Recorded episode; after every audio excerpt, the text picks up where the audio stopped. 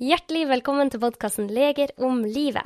Mitt navn er Anette Dragland, og jeg er utdanna lege. Mitt mål er å gjøre nyttig og god kunnskap om kropp, helse og sinn lett tilgjengelig for alle. I sommer så deler jeg mine topp fem episoder fra mine tidligste sesonger, som jeg håper gir deg og stor nytteverdi. Jeg håper du nyter sommeren, og at det glimter til med sol og velfortjente D-vitaminer akkurat hvor du er. Og om det ikke gjør det, så er det en perfekt tid å gå i naturen og lytte til podkast. Så da setter jeg over. God lytt.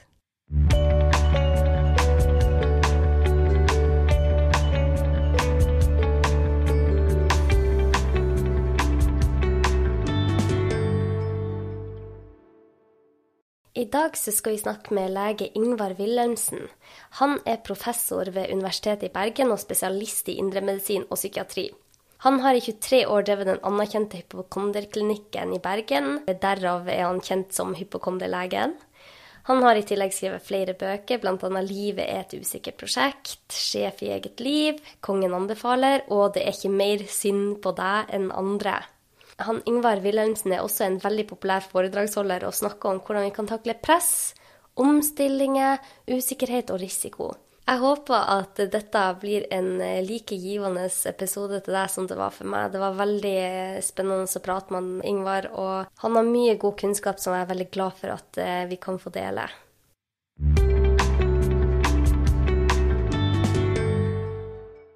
Ja, Ingvar, jeg har jo lest meg litt opp om deg. Og jeg har vært på flere, jeg har vært på et kurs med deg, to dagers kurs om kognitiv terapi, og jeg har sett deg på flere foredrag du har hatt. Og jeg syns at det, det du snakker om, er veldig bra.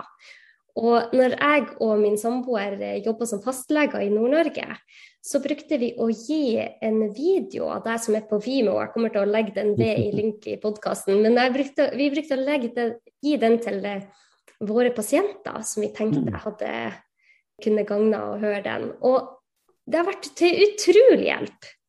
Kjekt. For veldig mange.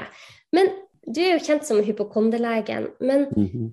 du er jo spesialist i både indremedisin og psykiatri. Hva er grunnen til at du har spesialisert deg i to felt? Jeg skal si at uh, Først og fremst har jeg jobbet med indremedisin, selv om jeg er jo psykiater også. Men i studietiden så likte jeg indremedisin, syntes det var litt sånn grunnleggende fint fag. Og så alltid likt psykiatri. Og så ble jeg jo ferdig lege da, tok turnus og sånn, og begynte å jobbe i psykiatrien, først i Bodø som sivilarbeider. Så tenkte jeg må nå gjøre ferdig indremedisin. Så var jeg assistentlege på Elverum og i Bergen på Haukeland. Ble indremedisiner, spesialiserte meg i magetarmsykdommer. Men så var det dette med psykosomatikk jeg var interessert i.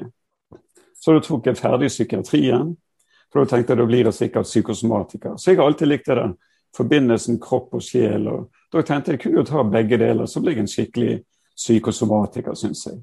Men jeg har jobbet faktisk mest i indremedisinen. For jeg jobbet jo en del i psykiatrien, men de som jeg likte best, det var de pasientene med mye symptomer og få funn. Og, og de kom ikke til psykiater. Sånn at så da begynte jeg eh, på Haraldsplass diakonale sykehus i Bergen, først i en vanlig overlegestilling, men fra 96 så har jeg vært på universitetet. Og da hadde jeg en full stilling på universitetet. Men uh, jeg var først overlege i indremedisin og hele tiden undervist indremedisin. Det er der jeg ble tilknyttet Institutt for indremedisin. Men så har jeg hatt denne psykiatri, og så er hypokonderklikken. Hatt i 26 år nå, faktisk. Det er en 20 stilling. Det har ikke vært noe hovedgreie. Så jeg har vært eh, undervist i indremedisin til jeg ble pensjonist, nå er jeg jo sånn professor emeritus, så hun er jo pensjonist. Men jeg har fortsatt 20 stilling ved hypokonderne. Ja. Så jeg har nå likt denne forbindelsen mellom kropp og sjel, og, og likt disse folkene. Og så er det mye plager, men få funn. Og de fikk ofte vite hva de ikke hadde, sånn at de ble utredet og utredet, fant ingenting. Men så de måtte få vite hva de har, mente jeg. At de har faktisk en helseangst. Og den kan man jo gjøre noe med. Ja. Så da var jeg i gang. Ja, Så du har drevet hypokondiklinikken i 23 eh, år, eller kanskje mer? Ja, litt mer. Ja, Og mennesker fra hele landet har blitt sendt eh, til klinikken din. Ja. Og du har jo hjulpet tusenvis, om ikke titusenvis av mennesker få det bra. Men det jeg ikke forstår, er For har, resultatene ved klinikken din er jo helt utrolig. Mm -hmm. Og de som kommer til dere, de har oftest fått behandling andre steder først. Ja. Hvis jeg har skjønt det riktig. Hva er det du gjør som er så spesielt, som gjør at så mange fort blir friske? Ja, det kan vi lure litt på. For det første har de noe godt i terapi før. Sånn at de er godt mørnet på en måte. Og, og, de som kommer utenbys fra, de har vanligvis lest 'Sjef i eget liv'. Så de er ytterligere mørende, så de er litt forberedt. Men jeg tror det at eh, det som er mest effektivt, er det jeg gjør. Det skal vi forresten gjøre et forskningsprosjekt på nå. At vi skal undersøke video, på videoer hva jeg driver med, ta det opp. Så skal noen andre psykologer og psykiatere analysere hva som faktisk skjer i timene. Når skjer endringen? For det er jo ganske korttidsterapi, to til fem timer. Altså, jeg tror at jeg eh, har funnet ut hva hypokonderne holder på med. Hva er prosjektet deres? Sånn at jeg går rett på sak. Jeg snakker ikke så mye om hvorfor de ble hypokondere. Jeg kan godt få vite litt hvorfor at var, de lærte det hjemme, eller noe skjedde som skremte livet av dem, eller et eller annet sånt. Men jeg vet at det de prøver, det er ett av to ting som er prosjektene deres. Så går jeg rett på det, istedenfor å bruke så mye tid på andre ting. For dette er akkurat som panikklidelse. Folk med panikklidelse om du er direktør, om du er hva som helst, uansett jobb, uansett bakgrunn, så er de veldig like når de har panikkanfall. Ja. Altså alle, alle pasientene, uavhengig av liksom mange bakgrunnsfaktorer. Så ved panikkanfall så går du rett på panikkanfallet. Hvordan de tolker det, hvordan de forholder seg til det. Så kan du få rask bedring. At det er angst. Det er ikke død, det er ikke slag osv. osv. Men når det gjelder helseangsten, så er prosjektet enten å ikke bli handikappet. De kan ikke tenke seg å miste fysisk funksjon. Og hvis det er det som er prosjektet, det er jo da de blir opptatt av uh, ALS, MS, nevrologi. Ja. Men vanligvis er det at de vil ikke dø nå. Så de skal kontrollere døden. Og det er jo, de fleste vil jo ikke dø, men det er ikke mange som går så langt at de sier at de skal ikke dø. Sånn at de, de bruker veldig mye krefter på ikke å dø. Mm. Og, og, du vet, hvis du skal unngå å dø Jeg spør dem hvordan kan du unngå å dø? Vet du hva du skal dø? Har du fått en sånn åpenbaring? De har ikke peiling. Ja, men hvordan kan du unngå å dø når du ikke vet hva du skal dø av? Nei, de innrømmer det. Det er ikke lett. Men som de fleste sier, det må du iallfall følge med. Her må du følge med hvis du ikke skal dø. Og da er de i gang med å følge med på kroppen. De fleste går ofte til lege. Sånn at dette prosjektet med å kontrollere døden, det er det jeg fokuserer på. Kanskje iallfall i første timen, og kanskje først i første timen etter en sånn kort intro med litt bakgrunn. Ti minutter sykehistorie. Sånn at da vil det munne ut i et spørsmål i slutten av timen. Skal du være villig til å være dødelig? Med andre ord, skal du akseptere at døden er prinsipielt ukontrollerbar? For Jeg pleier å forklare folk at alle angster har et fellestrekk. Vi prøver å kontrollere noe som er prinsipielt ukontrollerbart. En sosial fobiker kan spørre dem, er det viktig for deg hva andre mennesker tenker og mener om deg. Ja, det er veldig viktig. Ok. Eh, pleier du da å intervjue dem regelmessig hva de syns om deg? Går du rundt og spør? Nei, det gjør de ikke. Ja, men hvordan får du vite hva de syns om deg, da? Jeg tipper. Så baserer de følelseslivet på tipping. Hva som skjer inni andre menneskers hoder. Så de må da bestemme hvor viktig skal det være for meg hva andre mennesker tenker og mener om meg, gitt at jeg aldri får vite det. Du kan få vite hva du mener om deg sjøl. Altså det kan vi jo bestemme. Hva vi skal synes om oss sjøl og vår egen indre dialog. Hva andre syns, får vi faktisk aldri vite. Du kan dybdeintervjue dem, og de kan lure deg begge veier. Sånn at jeg fokuserer altså Hva som er nyttig i det jeg gjør? Jeg fokuserer på det som jeg tror er hovedproblemet. Nemlig holdningene til liv, død, usikkerhet, sykdom, helse kanskje hva de kan klare. Noen har jo den at de vil ikke tåle ditt eller datt. Folk som tror de har ALS, jeg spør de, sier av og til Vil du vite hvorfor jeg er så redd for ALS? Ja, gjerne. Har de ikke tålt det? Egner meg ikke for den typen sykdom. Ja, er det noen som egner seg spesielt godt for ALS? For faktum er jo at vi egner oss for det vi må egne oss for, de fleste. Og jeg har vært lege siden 76. Det er utrolig hva folk kan ta av ekte ting. Det har du sett, du òg. Helt utrolig. Mm. For det er ikke noe valg. Og det er veldig få som legger seg ned og hyler og skriker, går inn på et rom, aldri kommer ut igjen. Mm. Så jeg tror at jeg fokuserer på det som er poenget, nemlig å tåle usikkerhet, risiko. Og så tar selvfølgelig det med hvor mye tid de bruker på grubling og bekymring. Altså hvordan de forholder seg til katastrofetankene. Det tror jeg er et av clouene i det jeg gjør. Så du går ikke Du dybdeintervjuer de ikke om fortida og hvordan de har levd? Du går rett altså for, på Mer eller mindre. For de fleste har jo gått i terapi. Så det det er jo snudd hver stein ofte. Ja. Uten at det hjalp. For årsaken behøver ikke ligge i noe gammelt og opplevd eller noe. Men jeg spør alltid er det noe i ditt liv jeg bare må vite. En opplevelse, et tema, en konflikt, et eller annet som jeg bare må vite om deg for å være en god samtalepartner. Kom med det med en gang, så slipper jeg å tippe. Det, det kommer helt i begynnelsen. Og hvis du kommer på underveis, så kan du komme med det underveis. Så jeg får en oversikt. Men det er ikke det som er fokus, for fortiden kan du ikke gjøre noe med. Det er jo for seint. Men du kan gjøre noe med hvordan du forholder deg til fortiden. Hva du lar han gjøre med deg, det bestemmer du. Så jeg hele tiden går løs på holdningene deres. Så det tror jeg jeg sparer mye tid på. Men hvordan gjør du det? Nei, jeg spør de, altså, Etter jeg har tatt denne oversikten og hvem de er, og sånn, og om det er noen viktige ting og så er alltid, De er jo hypokondere, så jeg spør de alltid hvilken sykdom de er mest opptatt av.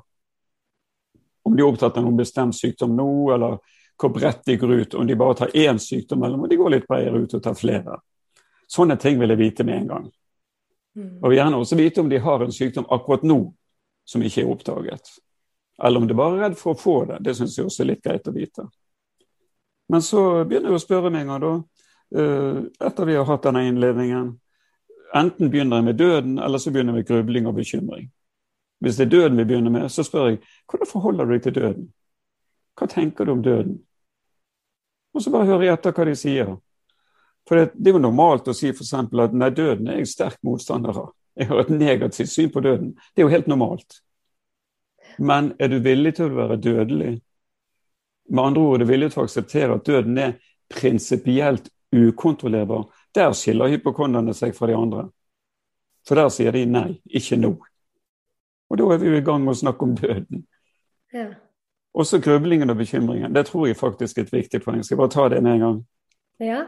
Fordi folk får katastrofetanker. Og, og hypokonderne, hvis de ikke skal dø, så vil de jo, hvis de får et lite symptom Hvis de f.eks. tror de skulle få kreft, så får de litt hodepine. Så tenker de lett å ja, jeg visste jeg skulle få kreft, men jeg visste jo ikke at det var hjernesvulst. Så nå fikk jeg vite det. Så at de tolker det i lys av det som er prosjektet sitt, og det de holder på med. Men jeg sier til folk katastrofetanker det er ikke det som er problemet ved angst. Katastrofetanker er helt normalt, sier jeg, og det tror jeg. Har du barn, så er det ikke unormalt å være bekymret for dem og lure på hvordan det går med dem. Har du en sykdom, så er det nesten unormalt å ikke lure på forløpet. Så sånne tenk-om-tanker, katastrofetanker, enn hvis, det er helt normale tanker. Mm. Så de skal ikke vi bli kvitt. Og det er veldig mange hypokondere bruker veldig mye krefter på å bli kvitt katastrofetankene. Folk med angst i det hele tatt. Og det er jo helt umulig. Jo mer du fokuserer på et eller annet problem, enten det er katastrofetanker eller hva det er, så gir du det ekstra energi. Du forsterker de. Sånn at det der må ikke du tenke på. Å ja, det var det, ja. Så det er ikke problemet at katastrofetankene kommer. Problemet er Og da er de alltid litt spent. Hva er egentlig problemet? Problemet er svaret ligger i fremtiden. Det er sånn tenk om. Og det skjønner vi. Har du et viktig spørsmål, og svaret ligger i fremtiden, så kan du ikke finne det nå. Det er prinsipielt umulig. Så det må de altså akseptere. Alle katastrofetanker er helt ok, normale, men du bør ikke styrke dem ved å gruble over dem, begynne å handle på dem, gå til lege, øh, eller prøve å bli kvitt dem, distrahere deg. Det er en måte å styrke dem på. Kjør dem inn på et sidespor i sinnet, sier jeg. Altså Du kan ha noen hovedspor. Målet du har satt deg tanker du vil tenke, samtaler du vil ha, bøker du vil lese. Det er hovedsporet. Men så har du masse sidespor.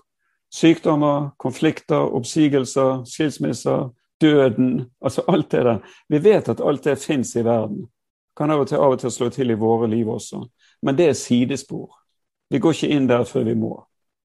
Mm. Så vi vet at sidespor er der. Så det tror jeg er en viktig øvelse. Tåle katastrofetanker uten å gjøre for mye nummer av det. For jeg tror folk jobber for mye med problemene sine. De skal jobbe seg ut av dem, og da forsterker du dem. Du skal velge deg ut av dem, sier jeg. Du kan velge hvordan du forholder deg til katastrofetanker. Du kan velge hvordan du forholder deg, til liv og død, grubling og bekymring, alt dette her. Så jeg går rett på sak, og så får de noen hjemmelekser første timen, så de må svare på i neste time. Hjemmeoppgaver, sånne refleksjonsoppgaver. Og hva er de hjemmeoppgavene? Ja, eksempel, skal du være villig til å være dødelig? Ja eller nei? Og så er det neste spørsmål når det gjelder grublingen og bekymringen. Hvor mange sorger av de du ikke kan gjøre noe med, skal du ta på forskudd? Altså før de kommer. Hvilke skal du ta? Altså Hvor bredt skal du gå ut? Skal du ta alt som kan skje i hele verden? Da blir du en generalist. Da får du sånn generalisert angstlidelse. Eller skal du spesialisere deg bare på sykdommer? Og skal du da ta én eller flere? Altså Hvor mange sorger skal du ta på forskudd av de du ikke kan gjøre noe med? Hvilke og hvorfor? Så må de svare på det. Og hvis de da velger å ta sorger på forskudd, så må de begrunne hvorfor. Gi meg en god grunn, sier jeg. For hvis det er lurt å holde på sånn som du gjør, skal jeg jammen begynne sjøl. men, men, da vil jeg jo gjerne ha en god grunn, så jeg ikke gjør noe dumt. Og det er jo der de sliter, da. For at de skal prøve å komme med gode grunner. For eksempel, vil du høre de best, vanligste grunnene? Ja, ja, ja, ja. Jeg har lyst til å være forberedt på det verste. Jeg vil ikke bli tatt på sengen med en barneulykke eller kreft eller noe sånt. Jeg vil være klar. Driver de øver da? Kveld etter kveld, natt etter natt. Og det som er teorien, er da at hvis du har øvd, så tar du litt brodden ut av det. Du, litt, du får ikke denne midt i fleisen helt uforberedt. Det som er problemet, finner vi ut veldig raskt. Vi vet ikke hva vi skal øve på. Jeg for eksempel ble jo lam i 1984, 35 år gammel. Jeg var helt frisk, oppegående lege. Etter åtte timer en lørdag så var jeg lam fra brystet og ned. Transvers myelitt. Jeg snakker med folk som tipper hva de skal få, så skal de øve på det, da. Og jeg spør dem av og til du er ikke litt redd for transvers mye litt, da? det er jo veldig få som har øvd på. Ja, ja, men det, det, har de aldri hørt om. Nei, nei, sier jeg. Nå må du faktisk ikke høre om du får få det. Det er ikke sånn det funker. Men det har nå jeg hatt. Å, var det en som sa til meg Tror du det er det jeg har? Skjønner du? Altså, De vet ikke hva de skal øve på. Ja. Det er jo derfor sier vi får ta ting etter hvert som de skjer, for da har ikke vi noe valg. Det var bare ett eksempel. De har andre eksempler, men alt faller til jorden. Dødt. For det fins ingen god grunn til å ta sorger på forskudd. Og da får vi heller la være, da, sier jeg. Ta noe ekte problemer etter hvert som de kommer. Du skal alltid få litt å putle med. Slapp helt av. Men hvordan gjør man det, da? Hvordan, eh, for de har jo tenkt på denne sykdommen. Kanskje har de fått for seg at de ikke ønsker kreft. Så har de tenkt på kreft i 25 år. Sjekka hver en føflekk ja. og hver en eh, et mageproblem. Ja, og hvordan mm, La oss si at de går med på å være dødelig. Jeg går med på å være dødelig. Ja. Men så kommer et nytt symptom, en føflekk de ikke hadde sett før. Ja. Og hvordan skal man da eh, takle det? Ja, Da skal du altså komme deg inn på det som vi kaller for norsk standard. Ja. Og, og ofte et godt uh, spørsmål er hvordan, hva ville du råde en god venn eller venninne på din alder hvis de kom med en sånn føflekk og viste deg denne her? Hva vil du råde de til å gjøre? Skal de gå til lege med en gang, eller skal de se det an?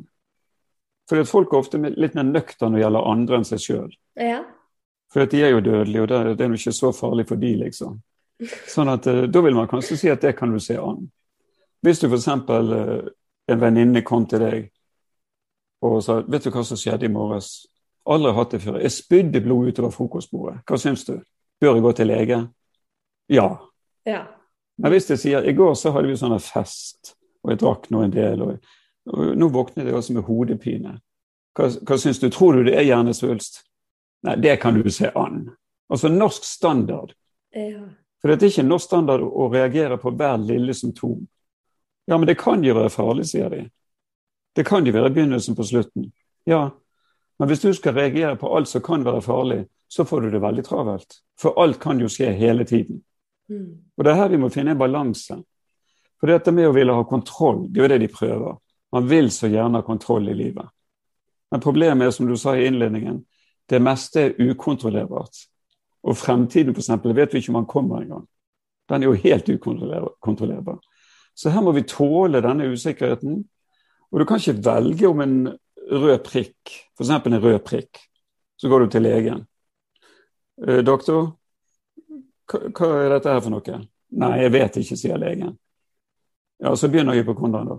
Kan det være kjøttetende bakterier? altså, det er ingen lege som kan si nei til det. Så da sier de kanskje nei, jeg tror ikke det. Vi får se hvordan det utvikler seg. Utvikler seg? Her er ikke noe som skal utvikle seg. Med andre ord, lærer folk opp til at spørsmålet du stiller deg sjøl og legen, binder svaret.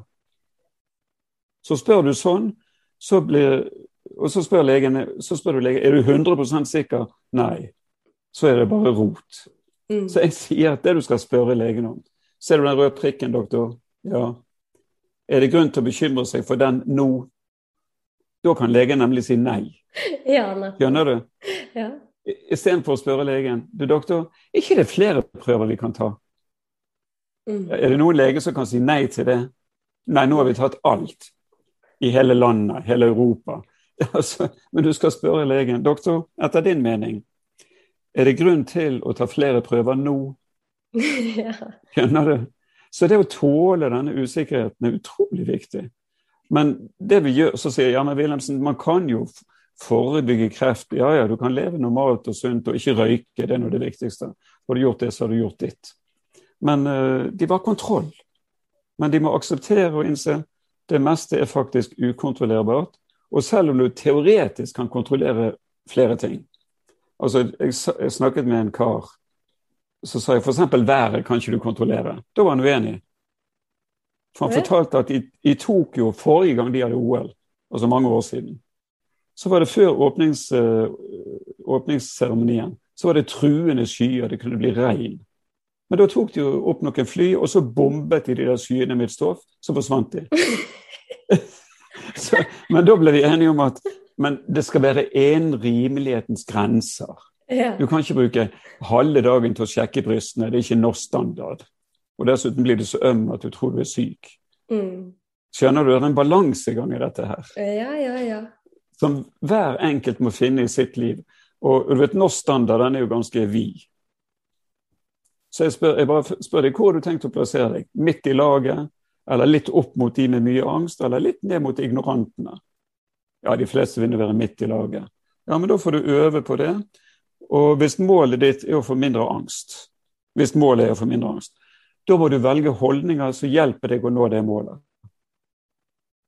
For holdninger kan du velge sjøl. Velg holdninger som hjelper deg å nå det målet. Mm. Og da vet de med en gang kanskje hva som er lurt å gjøre, hva som er mindre lurt å gjøre. Jeg bruker jo som du vet et eksempel med sjalusi. Hvis målet er å bli sjalusi, skal du da stole på damen din, eller skal du tvile på henne eller mannen? Ja, for å velge å stole på henne, da. Mm. Men er det sant? Er hun trofast? Du får spørre henne. Ja, hun sier det. Men det, altså, vi vet jo aldri. Du må velge å stole på henne. Du kan ikke vente til du har full kontroll. Da må du jo videoovervåke kontinuerlig.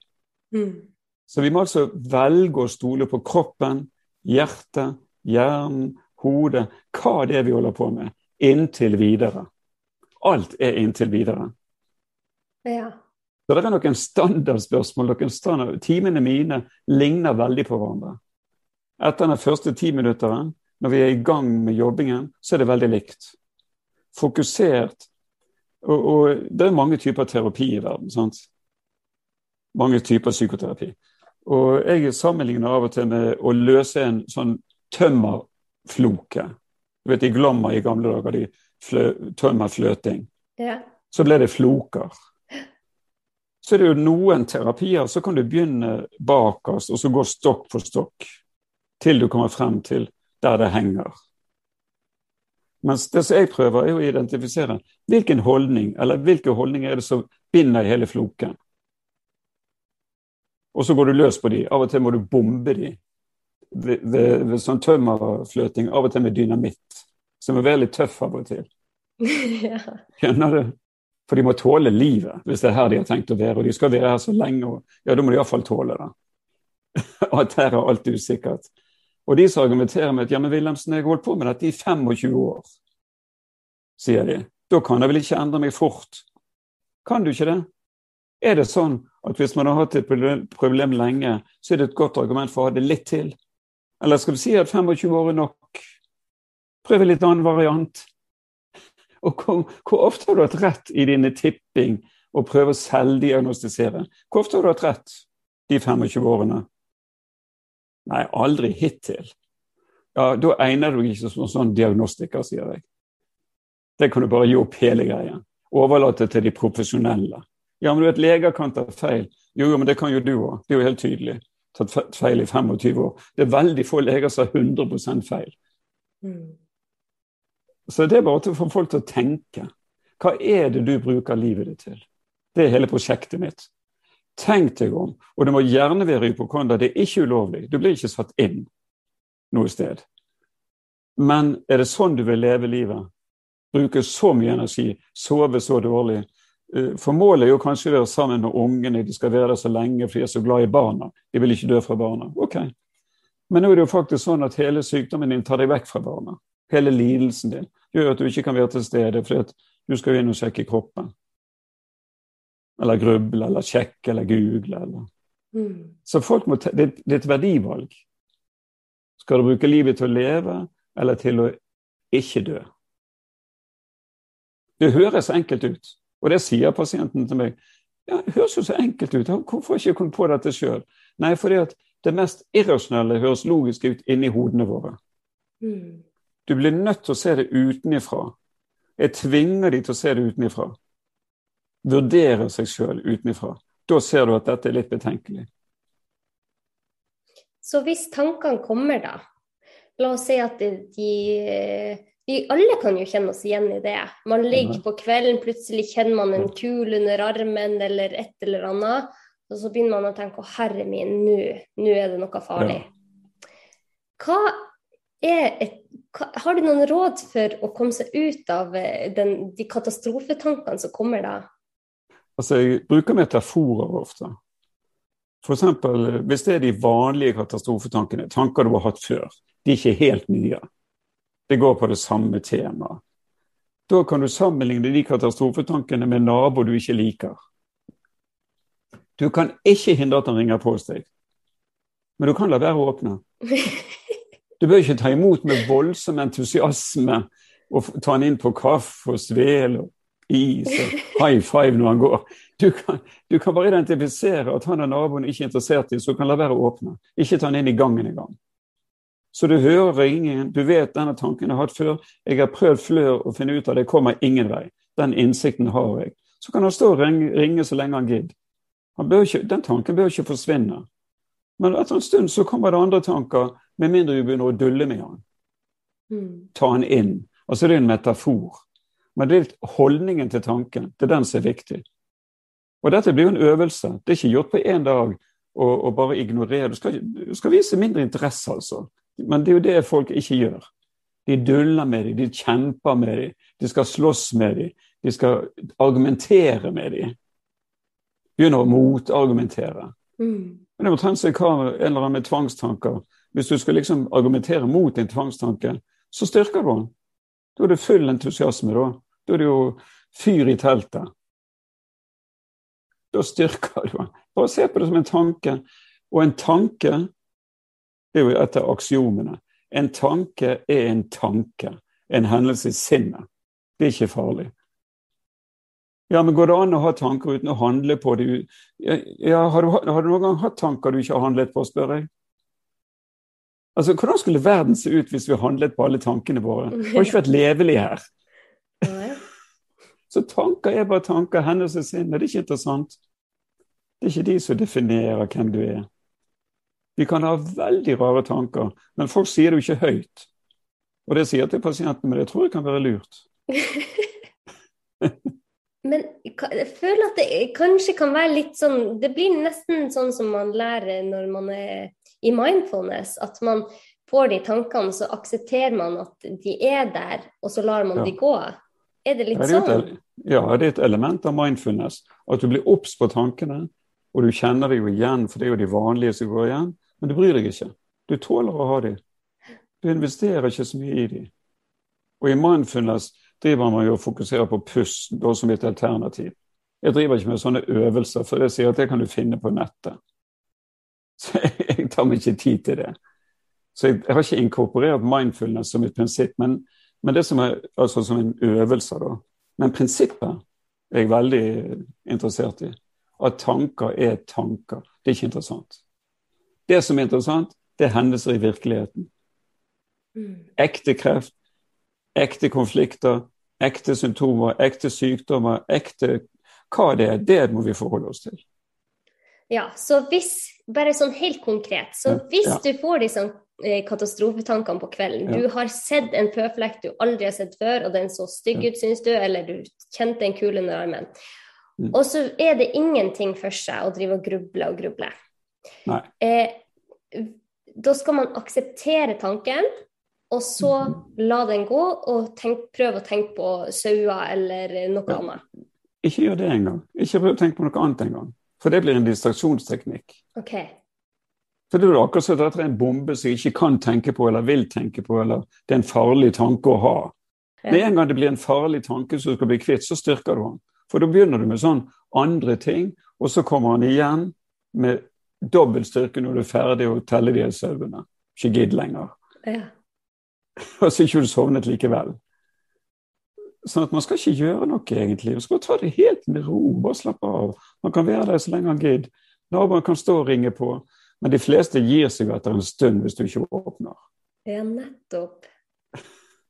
Så man må være veldig obs på ting som styrker tanken, og hva som svekker den. Og det å møte han med en kald skulder, det svekker han. Det er ingen som liker å bli møtt med en kald skulder. Ingen blikkontakt. Ingen kontakt. Da vil de fleste finne seg en annen å snakke med. Oi, oi, oi.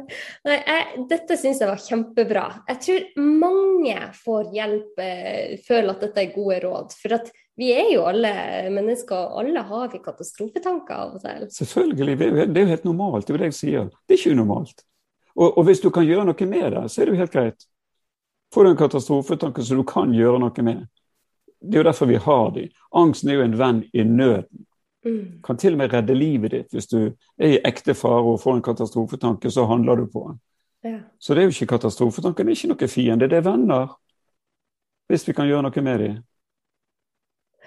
Så angsten er jo en venn i nøden. Men det er en uvenn i hverdagen. Da er det en fiende. For det er jo veldig sjelden at vi er i ekte fare, egentlig. Nettopp. Så man skal ikke være på vakt for sykdom. Nei, Nei det syns ikke jeg, iallfall. Men, Men folk får gjøre som de vil. ja, men du har jo gått gjennom en ganske alvorlig sykdom. Ja, jeg har jo det, ikke kreft, men jeg har vært lam. Det er det du tenker på? Ja. Føler du at den eh, sykdommen eh, lærte deg en del? Det gjorde han sikkert, men folk som kjenner meg, de sier at jeg har ikke forandret meg så mye. Ikke så mye før eller etter. Liksom, før var du sånn, og nå etterpå er du helt annerledes.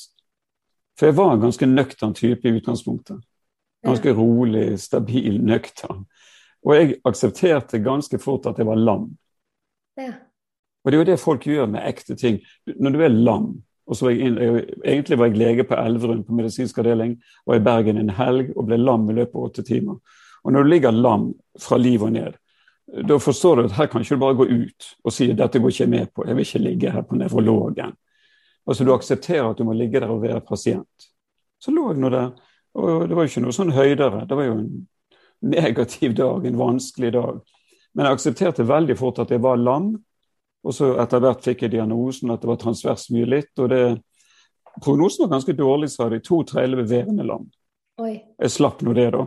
Men jeg fikk jo dårlige bein. Så jeg har spastiske bein. Det har jeg hatt siden 1984. Jeg kan gå, men jeg kan ikke løpe, f.eks. Og nå går jeg med stokk. Mm. Så jeg endret meg ikke personlighetsmessig, for jeg visste i utgangspunktet alt kan skje. Det var ikke sånn at jeg tenkte at dette var urettferdig, f.eks. at jeg skulle få dette så ung. Mm. Urettferdig. Jeg visste jo at verden var urettferdig.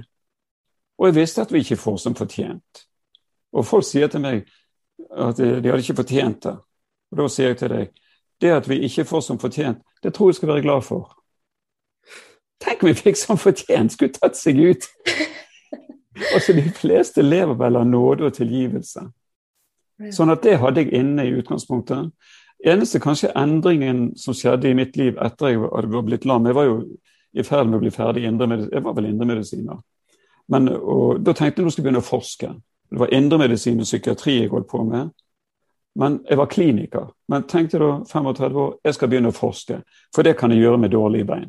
For jeg, jeg, jeg, fant jo ut etter hvert at jeg endte ikke opp i rullestol, heldigvis. Det er jeg jo glad for. Mm. Men forske det kan du gjøre med dårlige bein, fant jeg ut. Så at det var en liten skift at istedenfor å være kliniker hele livet, tenkte jeg nå skal jeg begynne å forske. Og da tok jeg en doktorgrad på magesår, for det var jo psykosomatikk den gangen. Vi trodde det var stressrelatert. Det er jo litt stressrelatert, men det var jo først og fremst helikobakter. Mm. Sånn at den kom akkurat i den tiden på slutten av 80-tallet, når jeg drev med kognitiv terapi på magesårspasienter, folk med sår på tolvfingertarmen. Og det hjalp jo ikke. De fikk jo residiv, akkurat som alle andre som ikke snakket med. Tok de vekk helikobakter, da ble de helbredet. Mm. Fulgte de i ti år. Det var én av de hundre vi hadde som fikk ett magesår i løpet av de ti årene. Og dette var sånne som hadde reservert hele tiden. Mm. Så tar du vekk helikobakter, så kan ikke du få magesår, nesten. Da må det være sånn helt spesielle ting. At du spiser mye NSIDES eller innlagt på intensiv eller noe sånt. Så det, det tok jeg doktorgrad på. Men, uh, så det var kanskje endringen, at jeg begynte å forske pga. dårlige bein. Men jeg har nå vært Så begynte jeg på universitetet, sånn at der også kan du ha dårlige bein. Du, da slipper du gå vakter og sånn. Så jeg gjorde visse endringer. Ja, Men så du aksepterte det ganske fort? Ja, jeg gjorde det faktisk. Og det tror jeg veldig mange gjør. Ja. Har en datter som fikk diabetes da hun var tolv år. Hun også aksepterte det ganske fort. Og fant ut her må jeg sette sprøytene sjøl. Jeg sier ikke at alle tar det sånn, men veldig mange, flertallet, takler ekte problemer mye bedre enn tenkte. Mm. Og det er ikke så rart, for ekte problemer de er nå tross alt begrenset av virkeligheten. Jeg hadde jo ikke fått en dødelig sykdom. Jeg levde jo. Jeg kunne jo tenke, kunne snakke, kunne etter hvert gå på, på min måte. da. Mm. Og har du diabetes, så er du ikke dømt til døden, men du er dømt til å tenke på ting som du tidligere slapp å tenke på. Men det går an å takle det. Det går an å lære å takle det osv. Ekte problemer er begrenset av virkeligheten, og du har ikke noe valg, du må bare ta det. Tenkte problemer derimot, det er mye verre, for de er ikke begrenset av virkeligheten. Der er det bare din fantasi som setter grenser, Mm. og den kan jo være ubegrenset. Pluss at du kommer ikke i gang med mestring, for problemet er jo ikke her. Ikke får du behandling, ikke får du blomster, ikke får du empati, ikke får du omsorg. Tvert imot. Det blir bare tull. Ja. ja, så er det noe du tenker er For de som sliter med sykdommer og er redd for å få flere, så er det kanskje det samme som det du snakka om tidligere. Ja, så Hvis man har en sykdom og er redd for å få flere Det er ikke noe prinsipielt forskjell på en som har en sykdom og en som ikke har det. Alle kan få flere. Mm. Eller, alt kan jo skje med alle. Det er ikke sånn at når du har brukt opp din kvote Verden er urettferdig, og den er usikker. Noen får veldig mye, noen får mindre. Mm. F.eks. valg av foreldre er jo veldig urettferdig. Mm. Valg av land du er født i, er jo veldig urettferdig. Alt er urettferdig, egentlig.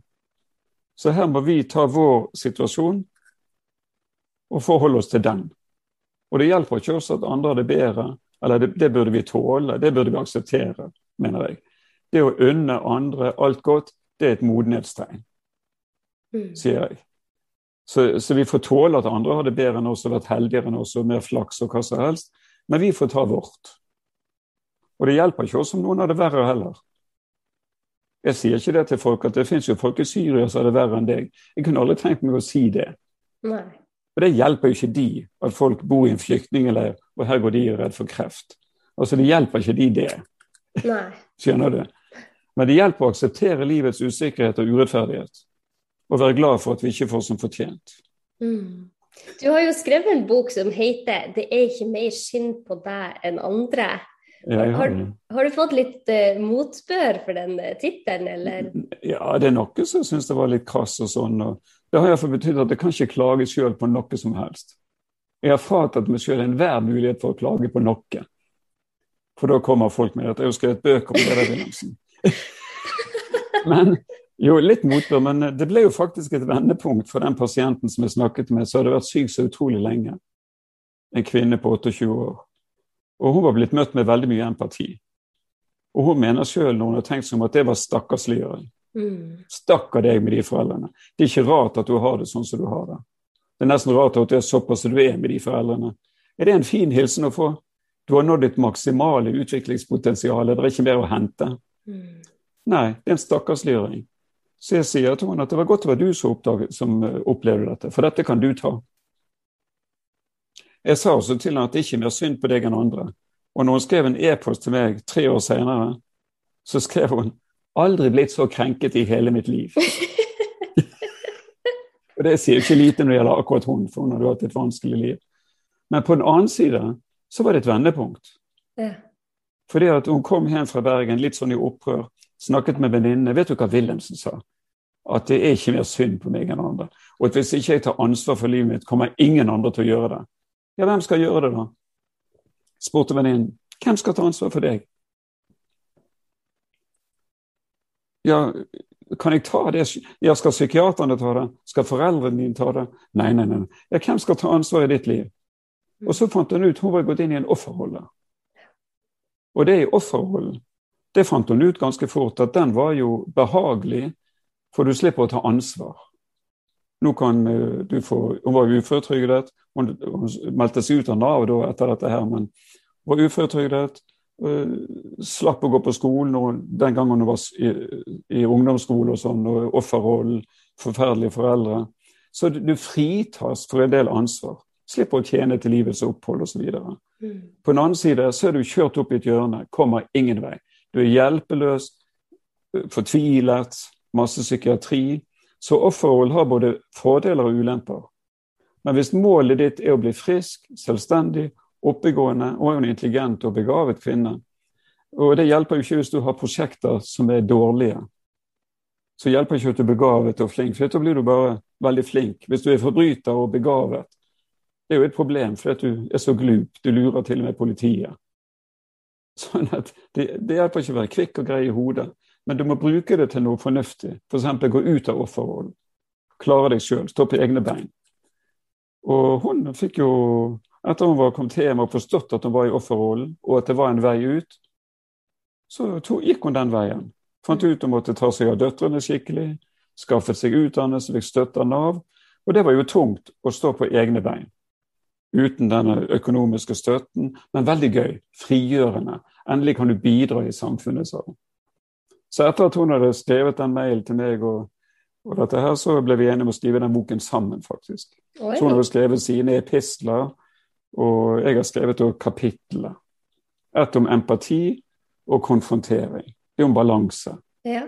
Og jeg er ikke redd for å konfrontere hvis det først har vært empatisk, sånn at de føler seg forstått, de tror at jeg vil de vel, de tror ikke jeg er her for å plage de. Da, da tåler de hva som helst av konfrontering. Men hvis du bare konfronterer, da blir de sint. Mm. Altså Hvis du begynner med å si til det er ikke mer synd på deg enn andre, det, det, da kan, du, kan de bare bli sint.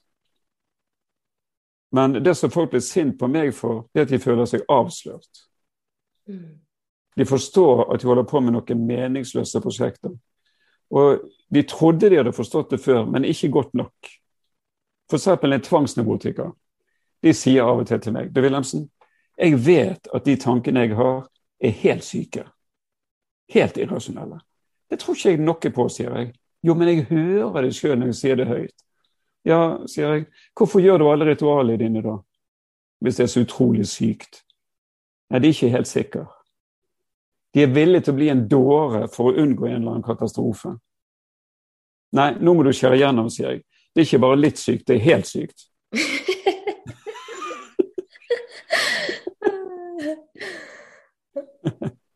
Og da innså han at eh, dette måtte han gjøre noe med? Da, da innså jo f.eks. en tvangsnevrotiker at det er bare tanker. Mm. De er helt syke. Jeg kan ikke handle på dem lenger. For det er jo så deilig å handle på dem, for da får du angst, angsten ned. Hver gang du gjør ritualene, så forsvinner angsten. Men så kommer han igjen. Det er ikke noen løsning. Faktisk alle ritualene som folk gjør for å bli kvitt tvangstankene, det blir selve lidelsen. Ja. Det er ikke tvangstankene som er problemet. Alle kan jo ha tvangstanker. Kjører du i en uh, tunnel, så er det mange som tenker Tenk om vi kjører rett i veggen. Altså, De er jo ikke suicidale eller noe, men de får nå en tanke. Ja. De fleste holder noe godt på rattet, og så skynder de seg ut av denne tunnelen. For jeg behøver ikke kjøre akkurat her med den tanken. For vi har det innebygget, vi tror vi kommer til å handle på det og kjøre rett i veggen. Det gjør vi ikke. Tanker er bare tanker. Mm. Og dette må folk altså akseptere, og så må de å øve. Og hvis man da får litt angst når du ikke handler på dem, så det, det gjør ikke noe, for det er en angst i bedringens tjeneste. Det øker frihetsrommet ditt og frihetsgraden. Og det kan være litt scary, fordi du, du er ute på ting du har unngått så utrolig lenge. Så du skal unngå unngåelser, for det styrker angsten. Og så skal du eksponere deg. Men før du tør å eksponere deg, så må du ha gjort det kognitive arbeidet med, med holdningene dine. Du må få de på plass først. Sånn at, for, Ta et eksempel. Folk som, tviler på, folk som tviler på hjertet. Mm. Vi har hos flere leger EKG, EKG, helt normalt. Til og med kardiolog. Så, skal, så sier jeg nå må du velge. Skal du stole på hjertet, eller skal du tvile på dem? Og da er det null eller 100. Du skal ikke stole litt. Sant? Folk er ikke litt gravid, de har ikke litt ALS, de er ikke litt syke. Det er null eller 100. Så her må du stole 100 for ellers funker det ikke. Så må du skjære gjennom. Og etter du har gjort det valget, hvis du velger å stole på hjertet ditt, akkurat som vi kan stole på ektefellen, så må du oppføre deg som du mener det. Ellers blir det bare teori. Ja, da kan du begynne å trene, da kan du eksponere deg, gå motbakke, slutte å ta pulsen, alt det der. Da blir det naturlig. Men hvis du begynner med eksponeringen, bare skal trene uten å stole på hjertet, det blir for anstrengende, sier jeg. For da går du med hjertet i halsen. Da kjenner du hele tiden etter, går og tar pulsen og kommer hjem svett, utslitt. Et under at du overlevde. Så rekkefølge er litt viktig.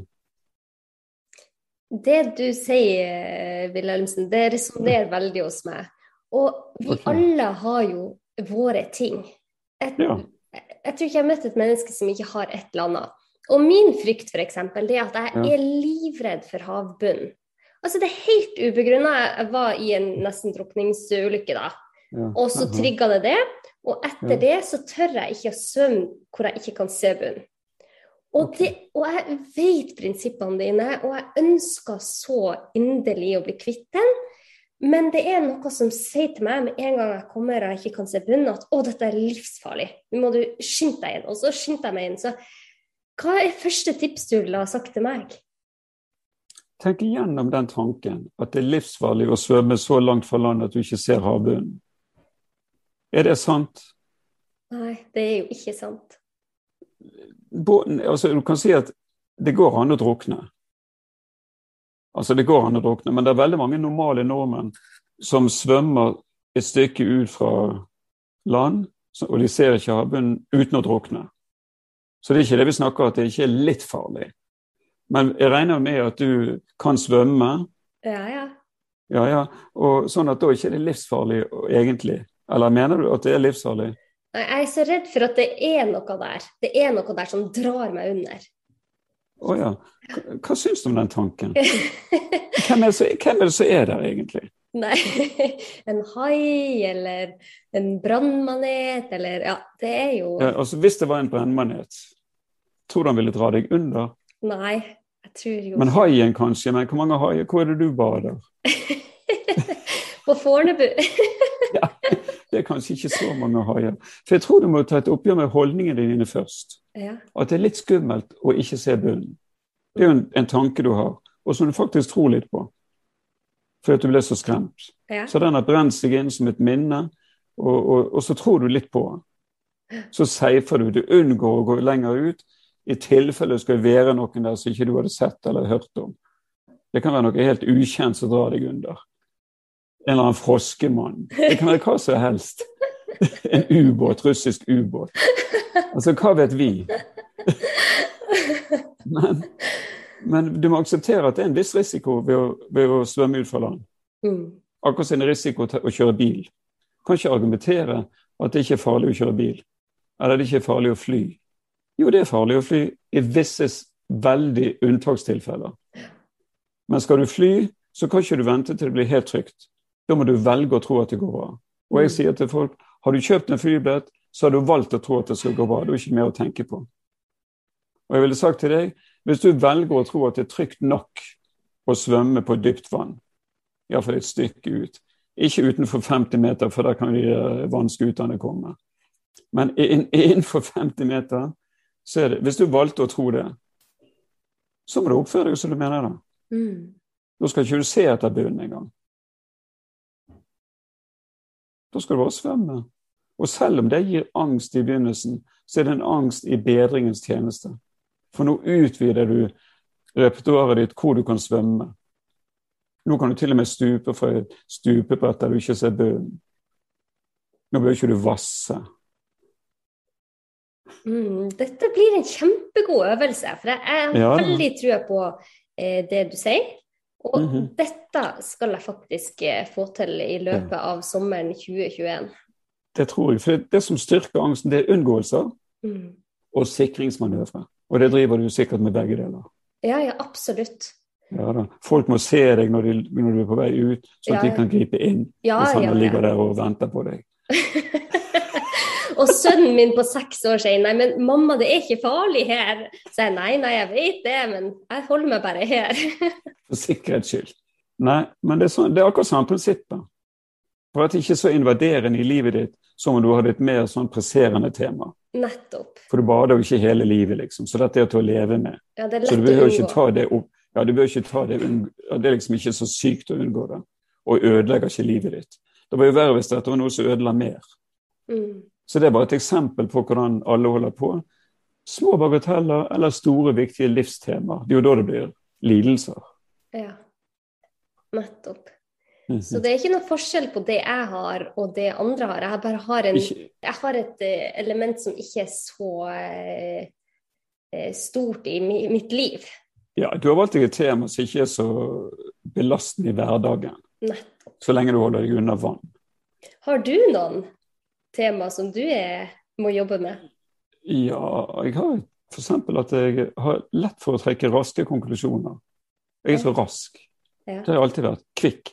Få epikrisene unna. Og, og, når jeg snakker med folk, tror jeg forstår dem. Men av og til gjør jeg ikke det. Jeg misforstår. Og så må jeg øve på å høre etter enda bedre hva de sier. Sånn at jeg eh, ikke bare går videre i min tankebane, for jeg er sånn veldig strukturert og vet hvor jeg vil og alt mulig. Så når jeg være, selv når jeg møter folk som er litt mindre rask og kvikk til å snakke, da må jeg øve på å gi dem den tiden, f.eks. Og det er litt av det lille som kan irritere meg hvis folk er litt trege. Derfor kan ikke jeg jobbe med deprimerte, for de bruker flere minutter før svaret kommer, og det orker ikke jeg å vente på. Så det får andre ta. Ja. Jeg liker de kvikkingene som katastrofetenker hele tiden. Så alle har sine ting. alle har vi våre ting. Ja. Så, ja. Så det du er opptatt av, er at vi kan velge våre holdninger. Det er det eneste vi kan ta 100% kontroll på. Mm. Det er hvordan vi forholder oss til hva som helst. Svømming, liv, død, ektefeller, fremtid, fortid, hva som helst. Der står du helt fritt. Hvordan du ser på deg sjøl, er det bare du som bestemmer. Mm. Og hva andre mener, det er ikke så interessant engang. Det er litt interessant, men det, vi får ikke vite det. Du snakka litt eh, Sist gang jeg og du eh, snakka på telefonen, så sa du dette med at man kan også forholde seg på et annet vis til fortida og fremtida. Kan ikke du mm. fortelle litt om det? Ja, så fortiden og fremtiden. Skal vi ta fortiden eller fremtiden? Vi kan ta fortida. Det er jo mange fortiden. som, eh, som ja. Eh, tenker mye på fortida si. Ja. Og det kan de jo gjerne gjøre hvis de, tankene hjelper dem i livet. Hvis det er gode minner. Sånn som når folk dør, så tenker du på minner du har hatt sammen med dem. og noe er ondt i begynnelsen, i sorgen, så er det jo fælt. Men det er viktig å tenke på det og ikke skyve det unna. Så hva det nå er, fortiden kan du ikke endre. Opplevelser du har hatt, kan ikke du endre. Ting du har gjort som var tabber, kan ikke du endre. Uh, gode ting kan du heller ikke endre. Vi kan ikke gjøre noe som helst med fortiden. Det er jo et utgangspunkt. Mm. Men vi kan påvirke og til en stor grad bestemme hva vil lar fortiden gjøre med oss. Så én ting er nå alt som har skjedd. Jeg, jeg, pleier å få en kort oversikt over det. Så spør jeg hvordan forholder du deg til alt dette her? Og hvis folk begynner sånn det skulle ikke vært sånn, så er det en naturlig tanke hvis det de snakker om, var fælt. Men, men hvis det faktisk var sånn, da Sånn at vi kan ikke endre. For, men du kan altså velge om du går inn i offerrollen, eller om du går ut av den. Mm. For folk sier at jeg er jo ødelagt. Det må jo du òg forstå, Wilhelmsen, med en sånn oppvekst. Mm. Jeg har snakket med folk sier jeg, som har hatt veldig vanskelige liv, men de har valgt en litt annen holdning. Å oh, ja, hvilken holdning har de valgt, da? En han sa jeg er skadet, men de skal ikke få skade meg mer enn nødvendig. Mm. Det var en litt annen holdning. Ta et oppgjør med overforhold ut av han. Og så, videre. så holdninger, selv til fortiden, uavhengig av hva vi snakker om, kan du endre. Og det er bare du som kan gjøre det. Mm. Så her er det om å gjøre å velge seg en holdning til fortiden som er nyttig for deg.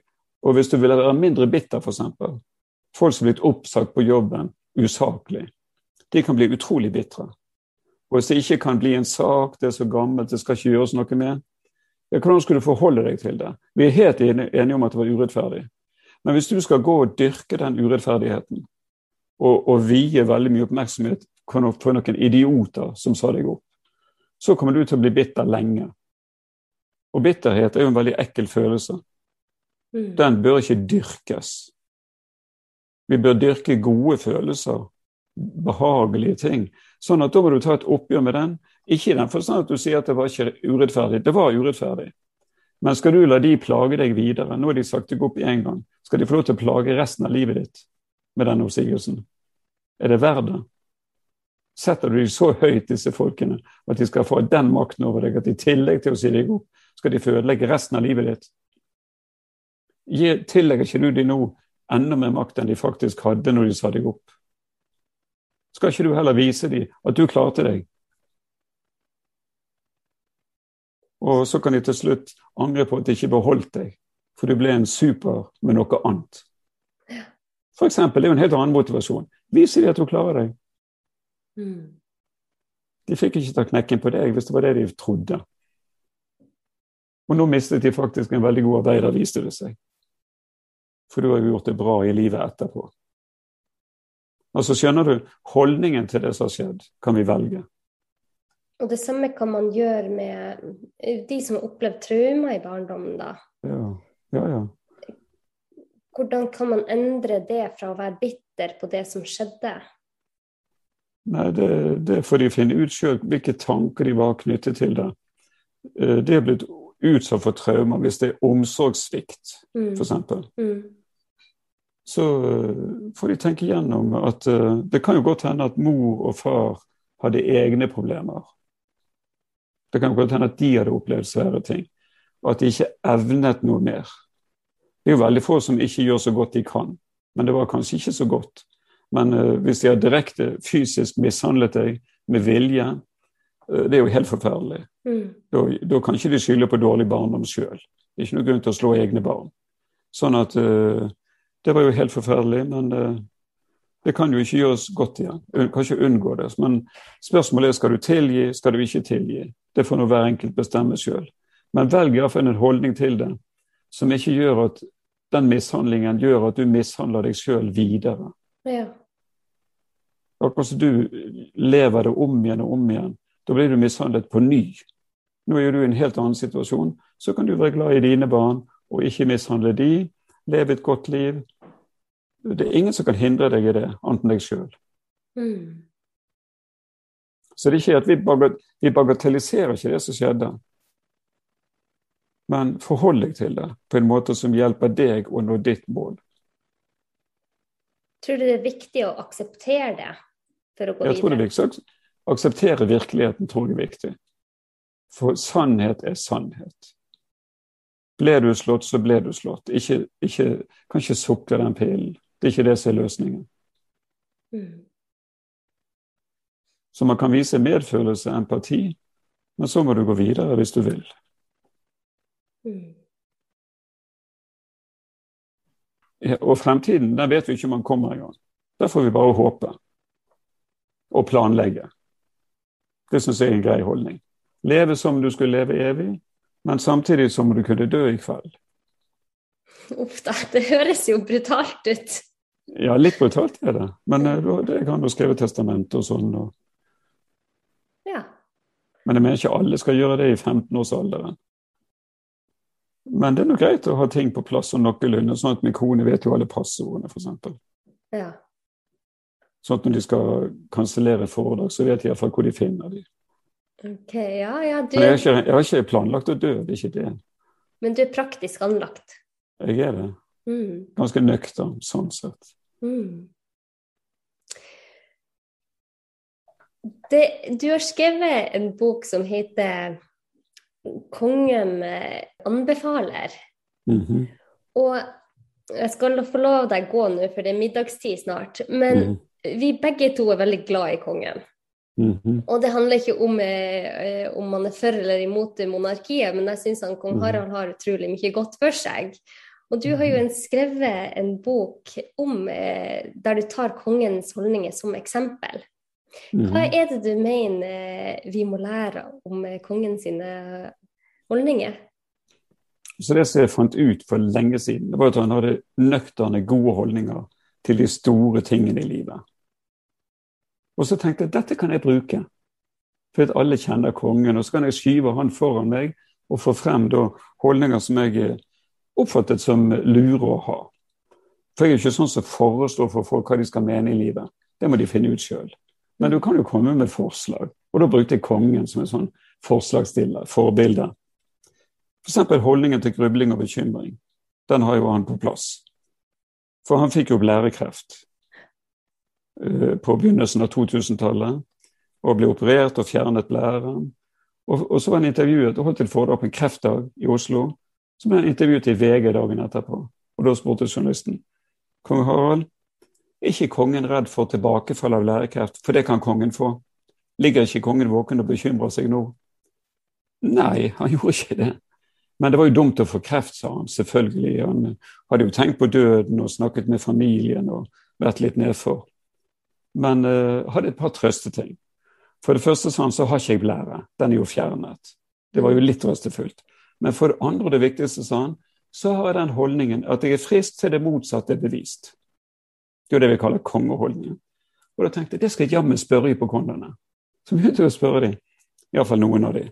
Vet du hva kongen mener om liv og død? Nei, det er ikke helt sikker. Han har den holdningen at han er frisk til det motsatte er bevist. Da er det veldig mange hypokondere som sier til meg, litt artig, akkurat motsatt av meg. Akkurat motsatt. For de skal jo bevise at de er friske.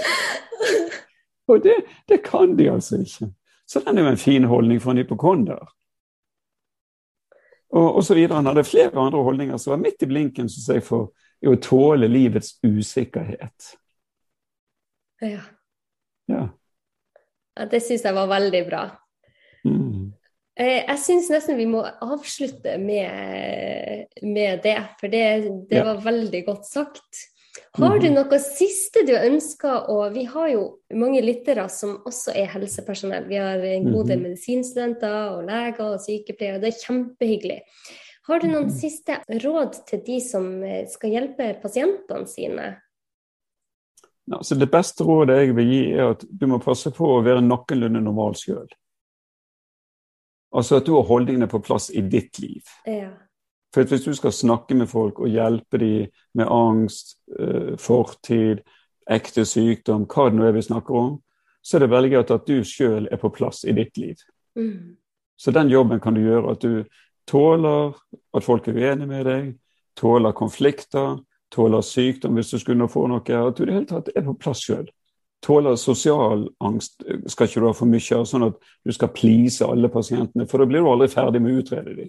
Mm. Du må tåle å sette grenser osv. Så, videre. Sånn, Jobb litt med dine egne holdninger, sånn som vi har snakket om nå. Ja.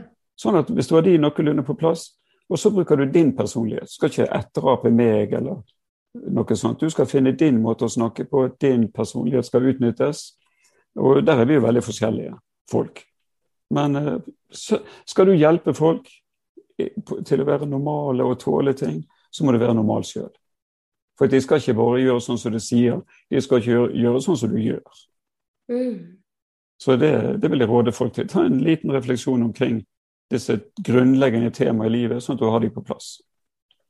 Og det der er jo veldig nyttig for eh, også andre som er pårørende og ønsker å hjelpe ja. andre. Ja. Det er jo veldig vanskelig rolle å være pårørende og se andre lide. Mm. Og finne en god måte å støtte de på. Så det, det er mye vi kan tenke gjennom sjøl.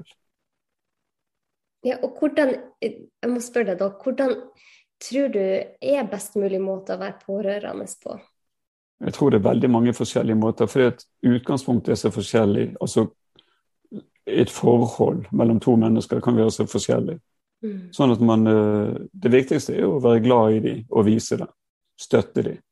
Ikke komme med for mange gode råd og Tål at de er litt sinte og bitre en stund. Tål å høre på litt klaging innen visse grenser. Hvis det blir for mye, kan du begynne å sette grenser for det òg, kanskje. Mm. For det kan jo forsterke det hvis det blir for mye dulling med det. Men eh, nei, jeg kan ikke gi generelle råd. Bare vær tilgjengelig. Ja. For det er jo faser i dette. I begynnelsen, bare vær der. Senere kan man drøfte holdninger. Det gjør man ikke i begynnelsen. Da er det bare empati som gjelder. Første fasen. Da er det empati. En hånd å holde i, en skulder å gråte på, osv. Senere, hvis man, de kjører seg ut på et sidespor, disse, disse som du er sammen med, og du er pårørende til en som er ute og kjører, da får du snakke litt med dem om de kanskje er på et sidespor, en blindvei. Skal vi lete og finne en bedre vei sammen? Mm. Kan du bli en god samtalepartner hvis du vil, eller hvis det ligger til rette for det. Men du må inviteres inn i den typen samtaler. Man går ikke bare bort og sier 'nå er du ute og kjører'. Orker ikke høre på dette mer. Nei, du må inviteres inn.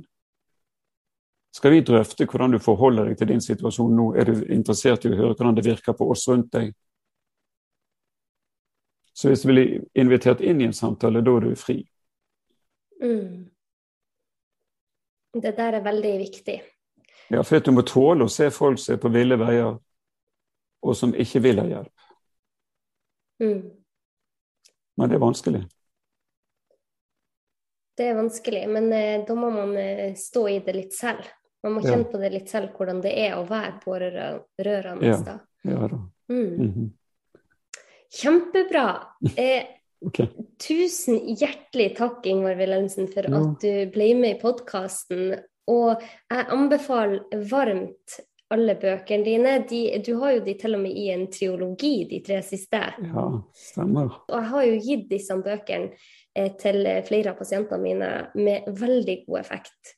Og så vil jeg også anbefale en video av han eh, Ingvar som er på Vimeo. Jeg legger det ved i shownotes på podkasten. Og så hvis man har lyst til å ta eh, kurs Kurs for helsepersonell må de bare følge med hvis det er noe i nærheten av der de bor. Og det gjelder foredrag òg. Ja.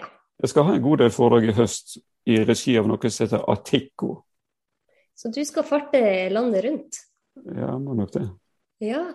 Masse lykke til med det, og tusen takk, takk igjen. Alt i orden. Takk for invitasjonen.